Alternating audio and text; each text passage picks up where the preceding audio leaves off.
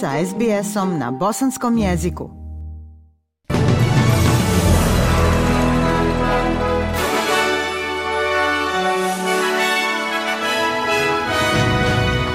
U današnjim vijestima poslušajte. Australski premijer Albanizi pozvao kineskog predsjednika Xi Jinpinga u Australiju.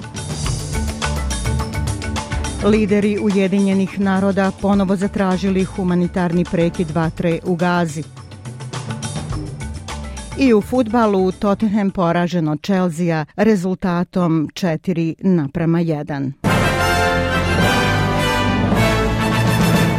Premijer Antoni Albanizi pozvao je kineskog predsjednika Xi Jinpinga u Australiju nakon, kako kaže, veoma pozitivnog angažmana s liderom u Kini.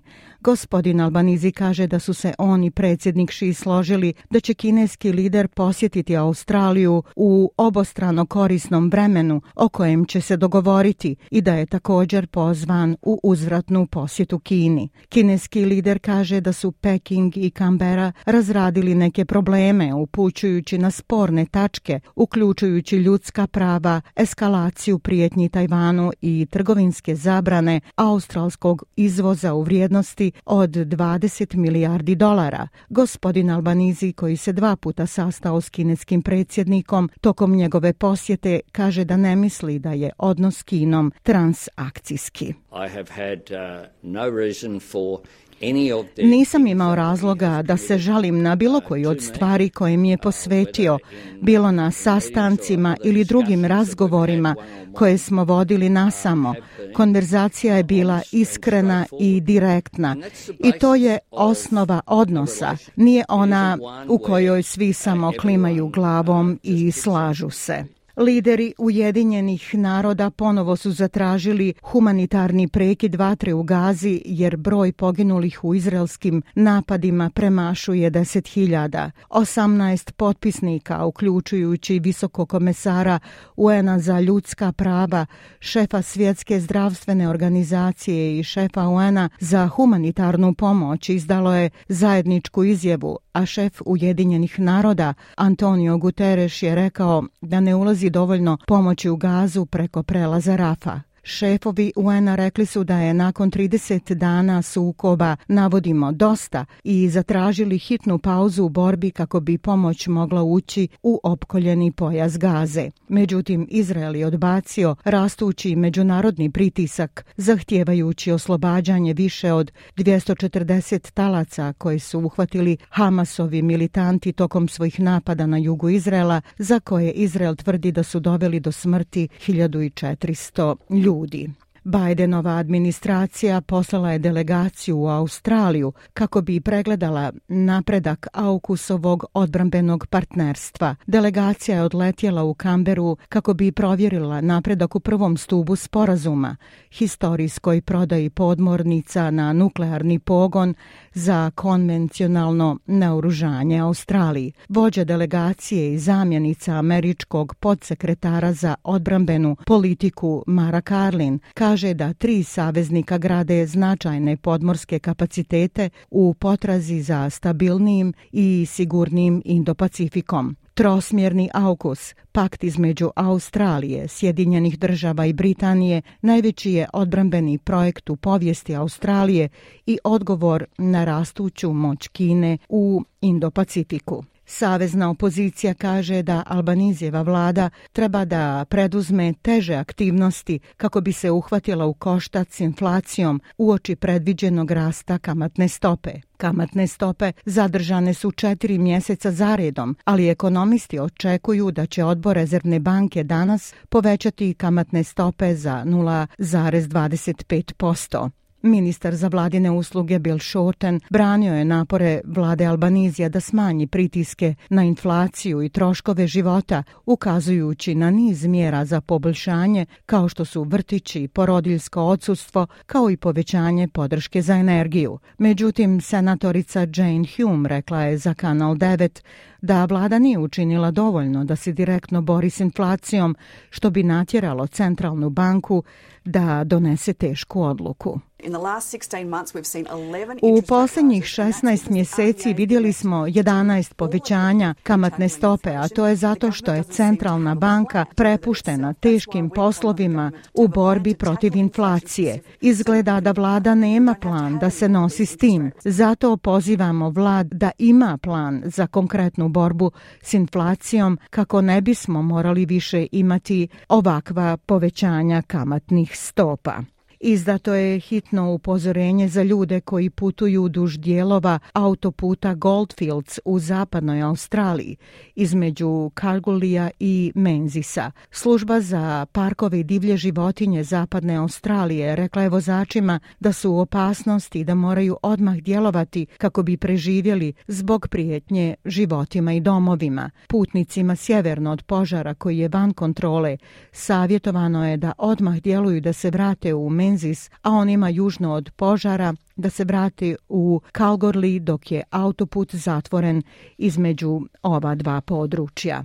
Vlasti u Nepalu kažu da strahuju da bi broj poginulih u smrtonosnom zemljotresu tokom vikenda mogao porasti jer se procjene uticaja vrše u najteže pogođenim udaljenim područjima.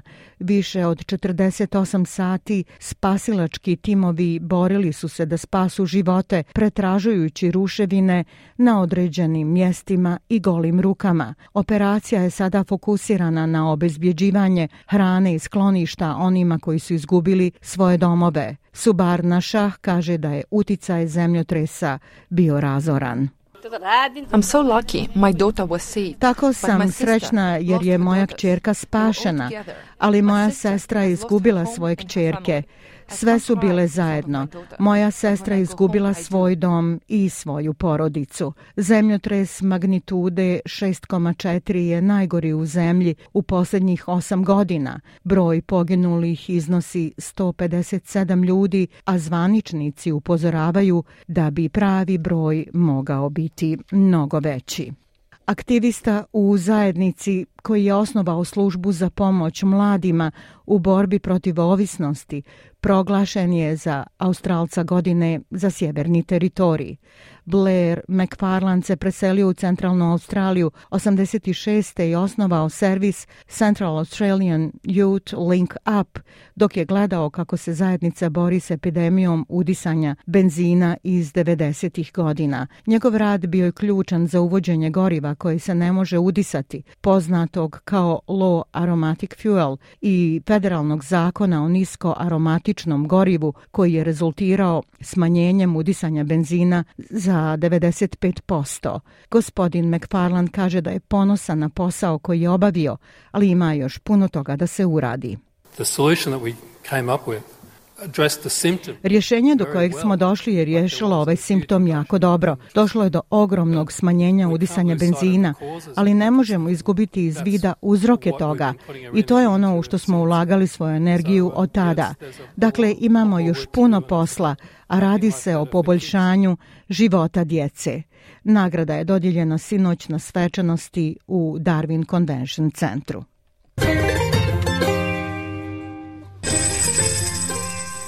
Prema kursnoj listi australski dolar danas vrijedi 0,65 američkog dolara, 0,60 eura, 0,52 britanske funte te 1,18 bosanske konvertibilne marke. I vijesti sporta. Tottenham je izgubio dva igrača zbog crvenih kartona, a zatim i posljednji neporaženi rekord u engleskoj premijer ligi u porazu od Chelsea rezultatom 4 naprama 1. Nicholas Jackson iz Chelsea slomio otpor Tottenhama nakon 75. minute rješivši bijesnu utakmicu odigranu sinoć. Dejan Kuluševski je dao dobar start Tottenhamu pogodivši odbijeni udarac u šestom minutu da bi se derbi u Londonu pretvorio u divlja stanje i haotične incidente. Trener Tottenhema Ange Postekoglu je rekao službenoj televiziji Optus Sport da je rezultat bio bilo teško analizirati. Just seemed to get out of control, uh... Činilo se da je izmaklo kontroli u velikom dijelu i ostali ste očito razočarani rezultatom. ali stvarno sam ponosan na napore igrača. Dali su sve i pretpostavljam da je to pozitiva koju ćemo izvući iz toga.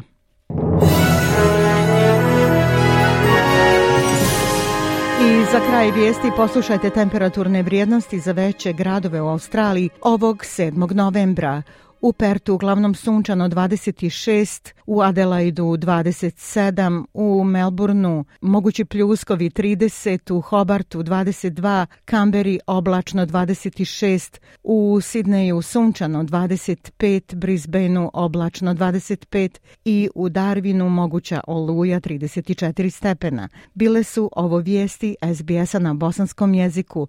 Ja sam Aisha Hadži Ahmetović. Ostanite i dalje s nama.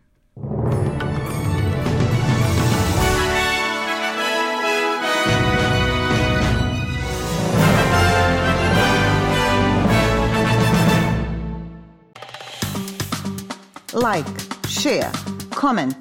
Pratite SBS Bosnian na Facebooku.